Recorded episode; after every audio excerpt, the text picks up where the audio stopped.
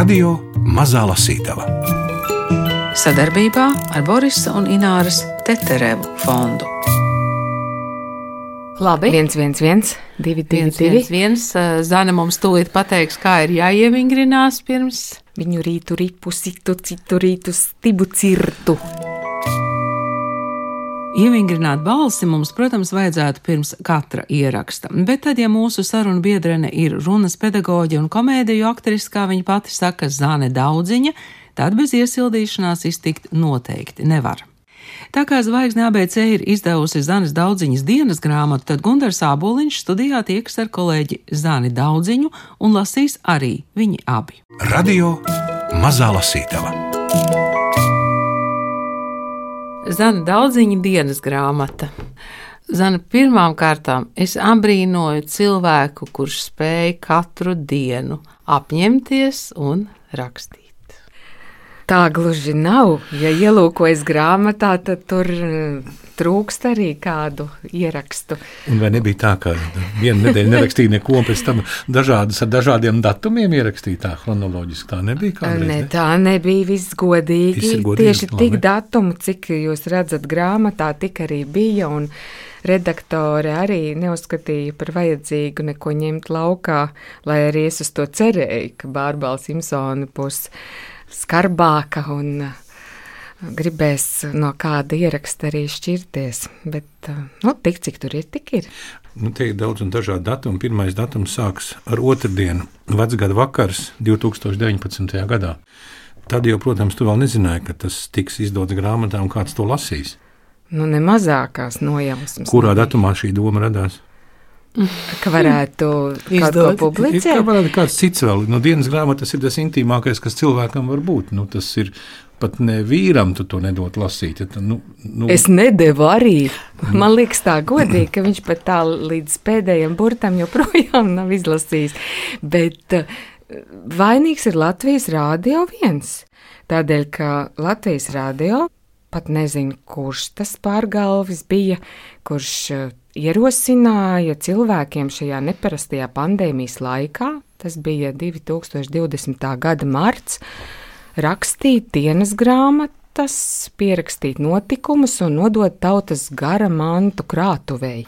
Un tad man pirmo reizi iešāvās tāds pārdrošs vēlniņš galvā, ka varbūt kādu interesētu tas, kas man jau tur top. Un tas drusku visu izbojāja, jo tad, kad tu sāc rakstīt, mazliet piedomājot, kā, kā kāds cits, kā kāds cits varētu lasīt, tad, protams, tu mirkļiem kaut ko savā galvā jau cenzē, pat ne uz papīra. Mm, bet es uzdrīkstējos piezvanīt Arno Junzem, tā kā viņu savā ziņā varētu saukt par šīs te grāmatas krusttēvu. Tas bija tikai tam dēļ, ka Viņš bija man vienīgais tāds uh, cieši zināmais rakstnieks, ar kuru man bija sanākusi tāda sazvanīšanās. Viņš aicināja mani novadīt rakstniekiem kaut kādu semināru, lai jaunie rakstnieki mierīgāk un drošāk jūtas lasītāju auditorijas priekšā. Viņš teica, nu, zini, tā pavisam godīgi, nu, tas nav mans mīļākais žanrs, bet uzrakstīts ir labi, un, ja tu gribi, es varu piezvanīt Kilblokai.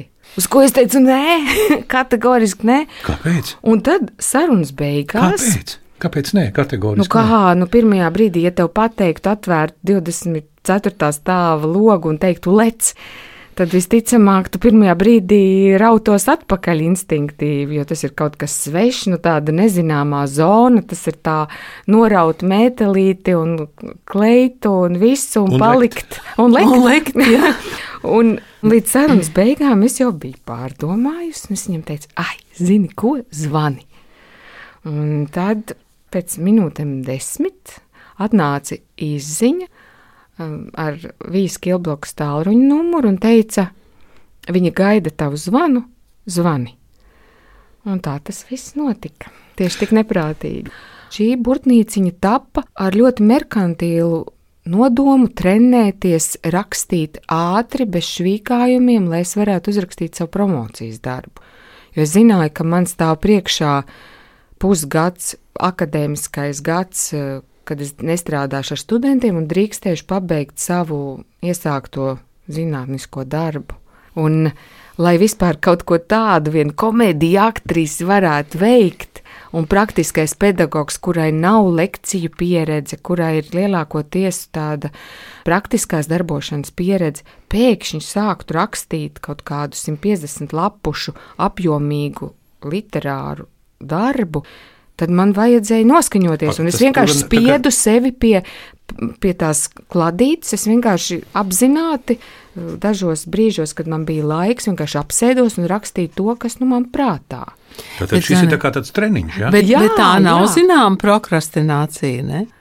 Nē, nē. nē, brīžiem tā bija jau grāmatas laikā. Tur tā var lasīt, ka es brīžiem nu, izbēgu no tā pienākuma sēdēt pie datora un rakstīt to zinātnisko darbu. Es labprāt tā kavējos ar zaļo tēju un medu pie savas eh, dienas grāmatas, bet sākotnēji nē, tas bija kaut kāds tāds apzināts solis, lai trenētos. Es sapratu, ka es nemaz vēl neesmu gatava rakstīt to par aktieru runu Latvijā mūsdienās, un uh, man vajadzēja tam nobriest, un šie te maziņie ieraksti bija tāds pussolītis uz to.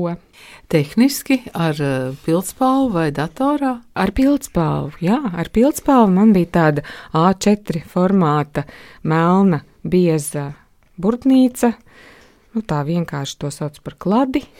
Un tad es uh, tajā līniju lielajā grāmatā arī veicu ierakstus. Bet ir rakstīts, ka tu esi arī ilustrācijas vienojis un vāka zīmējums ir tavs. Nu, to man ierosināja Vīlis. Viņš teica, ah, nu, ja jau viņi publicē, nu, tad varbūt tad liec tos savus zīmējumus. Apmēram tieši tik daudz zīmējumu, cik ir grāmatā, tik man ir vispār. vispār vairāk man nav. Bija 2016. gads šķiet.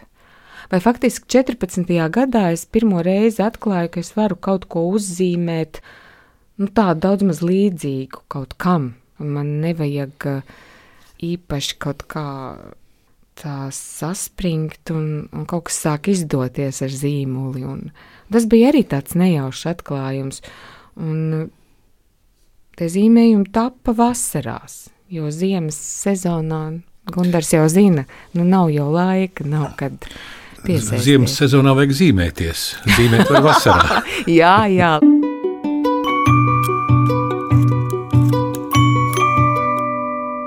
Man bija tāds ļoti grūts moments, kad man bija jālasa uh, Noras Ikstenes klātbūtnē mācības pienas, kas ir tikpat intīms un personisks darbs kā, kā dienas grāmata, pie tam no sievietes pozīcijām, pirmajā personā. Tas bija grūti. Tagad man ir jālasa aktrises sievietes Zanas daudziņas dienas grāmata, viņai klātesot. Vai tu saproti, ko tas no manis prasa? Bet es saprotu, ka man otrais nebūs tādas iespējas vairs to dzirdēt klātienē. Man par prieku. Trešdiena, 15. janvāris 2020. gads. Līdz pirmizrādē pusmēnesis. Vakar bija produktīvs mēģinājums ar choreogrāfu Ingu Raudingu. Salikām kustību partitūru pirmajai ainai. Tāda spēle varētu būt filigrāni precīza un ievelkoša. Tikai jāsatrenējas. Ķermenī atkal sāk iezakties kaut kāds viegls pagurums. Jābūt modrai. Otra diena, 21. janvāris. Desmit dienas līdz pirmizrādēji. Vakar Inga uzlika fināla dēļu, jāmācās. Pārsteidzoši patīkams atklājums, proti, aizvakar vakarā, kad biju uz bikram jogu, pamanīju, ka pat pie lielas slodzes var elpot mierīgi un nemanāmi, kamēr citi elš un pūš. Drīz būs divi gadi ar daudz maz regulāru Vima Hofa elpošanu. Rādās tas nes augļus. Vakar bijām uz Aurēlijas rīkoto labdarības balli, bija vērts, un tagad atpakaļ pie izrādes. Pa vidu man vēl notiek viestura meikšana kursi divreiz nedēļā. Bet labi, turpināšu to uzskatīt par iesildīšanos kolektīvā veidā. Ak, jā, viens sānsolis. Šovakar Nacionālajā teātrī Serebreņikova izrāde Outside. Jānis Grigolinovičs Šlēja, Amerikas latvietis no Ņūdžersijas, nāks līdzi. Viss ir labi. Tēja, medus, mājas, miers un laiks, lai pabūtu sevī. Tas ir daudz. Vai uzvārds daudziņa ir no vārda daudz? nu, drīzāk jau no tā nekā no mazvērna. vai arī no draudziņa, no Un- draudzīguma. Nu, mini, nu. Piektdien, 24. janvāris. Citu valodu ietekme uz latviešu valodu nemaz nav tik nevainīga un līksmi eklektiska, kā varētu nodomāt kosmopolītisks optimists. Saka, valoda ir dzīva, tā mainās, tā tam jābūt. Šā kā tā tas ir neizbēgams process. Salīdzinot ar vizuālo pasauli, svešvalodu ietekme uz runu ir tikpat spēcīga un gaumi traumējoša, kā ar plastmasas margrietiņām izrotāts brīvdabas muzeja namiņš. Tā tie varētu parakstīties zem šiem vārdiem. Nu, pašķirsim tālāk uz priekšu. Tu jau vari šķirt jebkurā vietā. Tā pareizi, es varu Izņemot vienu epizodi, kur es ļoti gribētu, lai jūs abi dalāties tajā piedzīvojumā par viņa dzimšanas dienu. Tas ir ierakstīts. Jā, Tas ir ierakstīts. Tur ir arī tava dzimšanas diena ierakstīta. Jā, jā, nu man, man nu, jā. Svētdiena, 17. maija 2020. gads, atkal vallē. Mākoņainas. Pa šīm dienām bijām abi ar Vili aizbraukuši uz Rīgu. Vilim bija svarīgi savu ilgstoši iekaisušo kaklu parādīt doktorai Līgai Loginai. Secinājums bija, ka laikam pie vainas ir viņa ikgadējā putekšņu alerģija, kas savādi šogad izpaužas tieši tik lokāli. Man nācās braukt Kultūras akadēmijas 30 gadu jubilejas gada svinīgās atklāšanas sēdes dēļ. Kā jau sēdē, sēdēju studijā, daļu sapost un sarunājos ar rektoriem, ministriem un prezidentu Zoom. Jā, cilvēku tuvuma ļoti pietrūkst. Dienu iepriekš, kamēr Viglis bija pie doktora, es gāju saposties svinīgajai ceremonijai pie friziera. Reizēm neziņu un stresu šādās īpaši atbildīgās situācijās var itin labi kompensēt ar pārliecinošu ārējo izskatu. Arī šoreiz tas nostrādāja. Nu, lūk, ceturtdien, tātad diena pirms sēdēšanas studijā pie friziera, devos uz Ozirisu satikt sen neredzēto ruksīti un agiju. Neiespējami bez kaut vai sāniski neveikla apkampiena. Brīnišķīgi satikt draugus un kafejnīca. Tieši divi mēneši bija pagājuši kopš leģendārās piparmētru tējas jērtē kafejnīcā. Vispār jau ļoti uzjautrinoši arī tagad Ozerisā, tāpat kā depo un citos veikalos, laik pa laikam tiek atskaņots jingls, kuru saturs paģēra, lai apmeklētāji pārāk ilgi neuzturas minētajās telpās. Ozerisa gadījumā to ierunājusi īsti neatpazina viņas balsi meitene, kur izteikti vienaldzīgā balsī diezgan saklausām ķēmojoties, nosprediķo visu, kas nu likts. Bārmenis teica, ka esot dažādas versijas, arī iedziedāta un ieķērkta. Asprātīgi. Šāda radoša prasīto direktīvu izpildi asauc atmiņā padomi laikus, kad mākslinieki pamanījās izdarīt visu, lai burts būtu realizēts, bet saturs un intonācija gluži citi. Lieliski Ozerisam ļoti piestāv tik disidentisks gājiens. Vakar laukos visu dienu bija vētra, trīs krusas un pamatīgas lietavas nokapāja dārzu varans slapju. Pag, man jāapskata strāzdiņš aiz logu. Zana, tie zūmi, mēs jau tā kā pierodam, vai ne? Bet uh, mācīt runu zūmā, kā tas notiek? Tas ir iespējams. Tad, kad tiek pāri savai iekšējai pretestībai un, un milzīgām ilgām pēc eh, cilvēku klātbūtnes, tad izrādās, ka var gluži labi.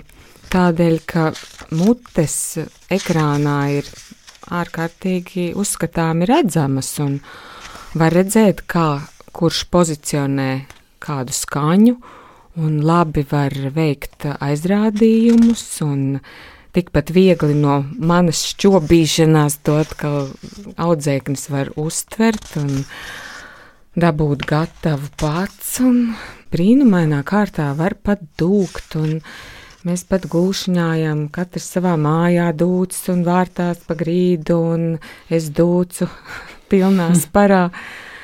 Jā, var analizēt tekstus, var darīt pilnīgi visu, elpošanas vingrinājumus veikt.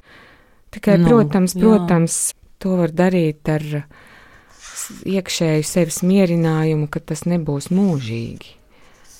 Jo skaidrs, ka ir pavisam cita lieta, ja tu vari pieiet un uzlikt eh, audzēknim uz muguras, uz eh, pleca roku un sajust, vai viss tur rezonē un vibrē un, gluži vienkārši dzīvāk, skaidrāk sadzirdēt skaņas kvalitāti. Nu, ar vārdu sakot, viegli nav, bet darīt ir iespējams. Ceturtdien, 23. jūlijas Rīga apmācies pulkstenis ir 9 un 5 minūtes. Atbraucu jau aizvakar, vēl vakarā. Cenšos neiepīkt kas nav vienkārši, jo, jā, Rīga ir skaista, tā ir veca, mana un tā tālāk, tomēr pilsēta kā tāda ir nomācošs izgudrojums. Aiz loga dobja būkšķi, būvdarbu troksnis, skrapšķi grants un dzirdamas attālus sudrabkāju ķērkas. Latviešu būvniekus atkal nomainījuši krievi. Kā viņiem sadalītas tās specialitātes, nav īsti saprotams. Šie urbi, klapē un dauza, kamēr latvieši cēla, vilka un špaktelēja. Pat labam kāds kaut ko cērt gabalos, nomācoši. Tie tev nav nekādi putnu treļļi un sienāžu sisināšana. Te Rīgā lauku gaiss un jutoņi pārceļas uz tādu kā poetisku atmiņu apgabalu. No attāluma visi smeldzošie odi un dunduru dzēlieni jau pagavuši aizmirsties. Dažus niknākos kodienas pat kasu ar tādu kā nostalģisku patikšanu. Ak, jē! Trokšņa līmenis izrādās vēl nebija sasniedzis maksimumu. Tikko kāds ieslēdz kaut ko tādu ierīci, kura dārda trakāk par dižvanagu, vai kā nu tos vasaras motorizētos ērģus ar lapsastēm sauc, moci. Es puktīgi aizveru logu, tā ir labāk. Esmu jau pagūsi sēlpoties Vīma Hofa elpošanas vingrinājuma laikā, tagad varu paciesties bez svaigas kābekļa. Vakar iefilmējām veselu strēķīti ar jaunām seriāla epizodēm. Jaukākais moments bija filmēšanas starplaikā, kad pagalmā man kleipī ietramsās mazmazītiņš balts, safrizēts sunītis ar ausīm kā zirgastēm. Viņa saimnieks, sešus, septiņus gadus vecs puisēns, pacietīgi dežurēja un gaidīja, kamēr mums beigsies mīlestība no pirmā acu skata. Suņa puika Bonis pašos spēka gados septiņi vai astoņi, puika īsti nezināja, bija iekārtojies manā klēpī uz mūžīgu palikšanu. Mūsu maigo mīlu pārtrauc filmēšanas grafiks. Labi, ka ir bezgala mīlīgs un aizkustinošs foto par piemiņu, ko man vakarā atsūtīja seriāla plānotāja Natālija. Uz šo Facebook storijā ievietoto bildi ar komplimentiem noreaģēja Garts no JRT kursa un uzaicināja uz kafiju, lai parunātu par dzīvi un skatuves runu. Tad nu tūlīt traukšos uz fazendu brokastīs, tur varēsim papļāpāt. Mani bezgala ielīgsmo fakts, ka kādu no sirds interesē šī profesija. Jau pirmajā kursā mācoties Garts mani pārsteidza ar to, ka jau pirms iestāšanās aktieros bija izlasījis manas skolotājas menziņas grāmatu vārds Doma runa. Tik aktīvu censoņu mūsdienās nav daudz. Kas zina, varbūt tieši Garts Lapoška izrādīsies izcils runas pedagogs. Mārtiņš Meijers un Jānis Kronis līdz šim manas vienīgās cerības, tomēr ir aktieri ar lieliskiem runas dotumiem un labu valodas izjūtu, bet pārāk aizņemti katrs savos teātras darbos. Laiks rādīs, mums ļoti vajag sekotājus. Aina, Ruta, es, mēs jaunāks nekļūstam. Šīs uh, dienas grāmatas, ko es tagad rakstu, bet ko es, protams, nepublicēšu, ieraksts uh, vēstīja ka Vīlis pēc klāvas tantes skūpsta bija teicis publikai, mēs pēc jums skumsim, un viņi bija klieguši pretī, mēs pēc jums arī, un raudājuši, ka pilnīgi varēja redzēt, ka cilvēki zālē raud. Tā ka, nu, tie, kas ir tie īstie teātri ļaudis, tiem šobrīd, protams, nav viegli. Mēs dzīvojam tādā ilgošanās apgabalā, ilgu zonā.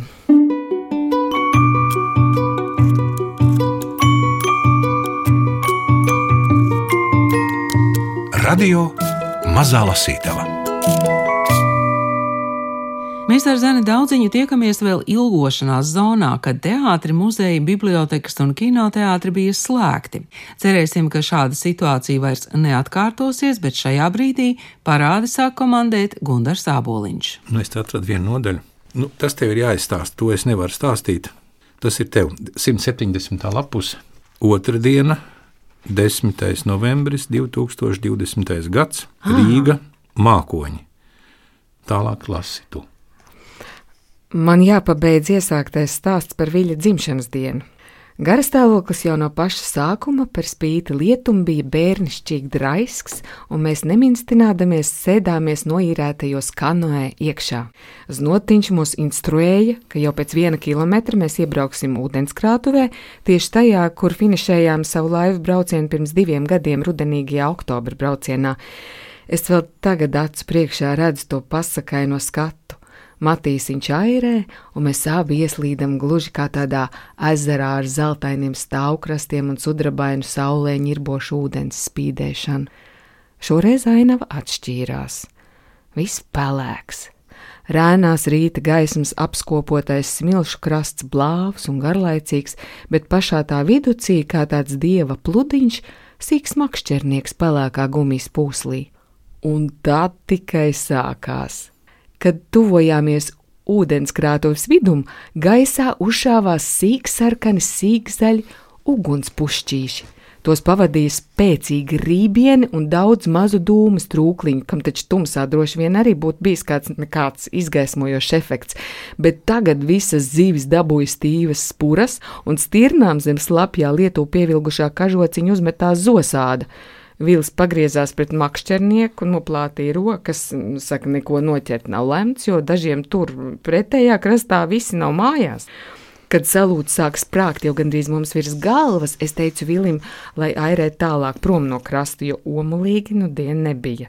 Bija pilnīgi skaidrs, ka ļautiņi tur, krastā ir visu nakti ballējušies, tagad no rīta attapušies, ka vēl vesela kaste ar pirotehniku nav izšauta un nu uzliek saviem svētkiem punktiņu uz i jo strūns par to redz vai neredz efektu, sprādzienam ir jāskan un priecīgs gribu būt trallā, bosse, bisse, basse, bums, fallerā. Un tad beidzot tas trobels ir īmās un dūlie jaunieši krastā pavisam skaidrā latviešu valodā. Hm, pārsteigums sāka dziedāt par kukainīti, kurš negrims dibanā. Ā, Nu, normāli cilvēki, tomēr mēs abi katrs pie sevis klusībā secinājām un pat dažās muzikālās frāzēs piebalsojām lustīgajiem dzīvotājiem. Kad bijām jau metrus 20 no krasta, pēkšņi garākais no jauniešiem pēdiņās, Andra Keiša balsī sāk skaļi izpausties. Manam labākajam draugam vakar bija dzimšanas diena, bet man nav pohu, kā tas var būt? Un tad palēnām attaus apskaidrību, ka re, kā dzīvē interesanti sakrīt. Tieši te, kur mēs laivojam garām, Andris kaut ko svinējis ar trim jaunām bērniem un no rīta atnācis līdz upei pastaigāties. Hm. Interesanti. Doma par to, kāpēc nav Kristīnas un Dvīņu, nepaspēja rasties, jo acis sazīmēja gunu, baibu un elitu, kuras taču arī laikam bija te Brāzlas upes krastā kaut ko kopā ar Andri svinējušas. Un tikai pēc tam smadzenes beidzot deva īsto signālu. Kolēģi bija svētdienas rītā agri cēlušies, atstājuši savas ģimenes mājās, lai lietainas upes krastā uzšautu salūtu par godu vīļa 50. dzimšanas dienai. Man acis no aizkustinājuma vienā mirklī kļuva miklas, un tālāk jau viss notika kā sapnī. Šampanietis no rīta, vilīti mežazars, jo par visu bija padomāts, un kāda laime līdzi paņemtais tortes gabals, lielākā pusīte no 50 nulles, uz ko viļņa dzimšanas dienu bija uzcepusi Oziris konditora Daiga. Čālojām, tērgājām, smējām, stāstījām sagaidītājiem, kā es trokšņa kulminācijas brīdī izteiksmīgi pagriezos pret notiņu, lai paucu savu neizpratni par notiekošo ar domu, ka šāda trokšņošana ir pilnīgi bezjēdzīga, ja jau salūtu lāgā miglaini blāvajās debesīs nevar redzēt un visu to iekšējo gamu, kad saproti, te taču ir ar neizmērojamu mīlestību iecerēts sveiciens. Nemaz nevar to aprakstīt. Pēc tam uzzinājām, ka salūts esot bijusi Gundara āboliņa ideja.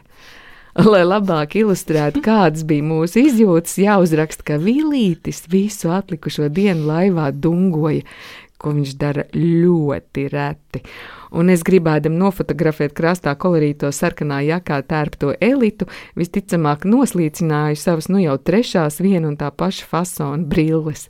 Kur gan citur tās varēja palikt, ja mēs vairāk kārt pēc tam turpu šurpu izstaigājām visu krastu. Tas bija varani jauks rīts. Nu, re, ja nebūtu dienas grāmatas, tad mums nebūtu šīs fotogrāfijas. Kāds bija viļņa?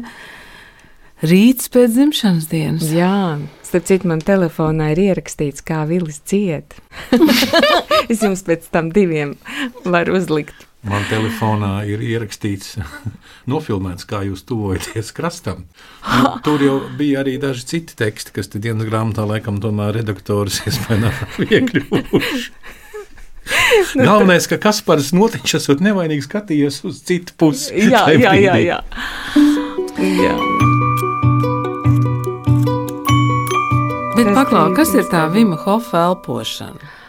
Ah, nu Vims Hofs ir mans tagad um, tāds kā neklātienes skolotājs. Es par tāda esamību uzzināju no mana studenta. Arī cik labi, ka ir studenti, jauni, progresīvi cilvēki. Pirmajā kursā Kārlis Zahovskis, kas ir tagad beidzis Valmieras kursu un jau strādā Valmieras teātrī, man vienu reizi teica, vai tu nezini, ir tāda, tāda elpošana. 30 reizes ielpo, izelpo, ielpo, izelpo, tad to aizturi, cik tu vari, pēc tam tu ielpo, vēl drusciņi patur un sāc visu no sākuma. Viņš tā ļoti pavirši man izstāstīja, un es secināju, ka tā sajūta ir vienkārši fenomenāli apskaidrota pēc tam. Galva strādā nesalīdzinām skaidrāk, un domas konkrētāk formulējas. Vispār tāds dziļš, iekšējs, tāds patīkams miers pārņem pēc tā vingrinājuma. Tu sajūties par vairākiem gadiem jaunāks katru rītu to veids. Nu, lūk, šis ledus vīrs, Vims Hofs, ir arī pēc skata tāds Gundara vecuma, tāds šarmants, tikpat skaists kā tu. Tāds vīrietis nu, labākajos gados. vīrietis labākajos gados, nu tāds harizmātisks rūķis, un kad paskatās tos viņa video, tas ir tik iedvesmojoši, ko viņš spēja. Ļoti izpētīta šī metode ir. Um, visos veidos viņš ir pētīts ar to savu fenomenu, kā ir iespējams 5 minūtes zem ledus bez akvalanga nirt ledainā ūdenī. Bet es, es jā, tagad viņa iespējā pandēmijas laikā, kad bija iespējams dzīvot laukos, es katru rītu eju uz dīķi, arī izdauzu mm, ledu, kas pa nakti ir pārvilcies. Dienas grāmata turpinās, kā mēs saprotam. Ja? Jā, bet nu, tas ir aiz inerces. Tādēļ, ka pandēmija kaut kā, viss šis jokainais laiks ik pa mirklim tāpat provocē to savu garīgo līdzsvaru uzmanīt un, var smieties vai, vai neticēt, bet patiesi, patiesi tā rakstīšana ļoti kaut kā visu lieko aizskalo prom. Tu pasēdi mierā, bišķiņ, ar svecīti vai bez svecītes. Ar teju un medu pēc pirts jā, jā, kaut ko uzskribilē un kaut kā labāk paliek, kaut kā tā līdzsvarotāk. Nav vairs tādu dusmu uz visu pasauli, uz to, kā tu esi nabadzīgs apdalīts un sēdi zūmā. Tas tāds just, ka esi sēdi zūmā noteļ... kā nozūmēts. Jā, tu esi dzīvs un elpo un, un var pat pasmaidīt jā, tāda laba pašterapija sanāca publiska. paldies! Nu, paldies! Tev. Zanes daudziņas dienas grāmatu izdevusi Zvaigzne ABC. Ar Zani daudziņu tikās arī Agita Bērziņa un Ingvilda Strautmane, par labskaņu rūpējās Nora Mitspapa.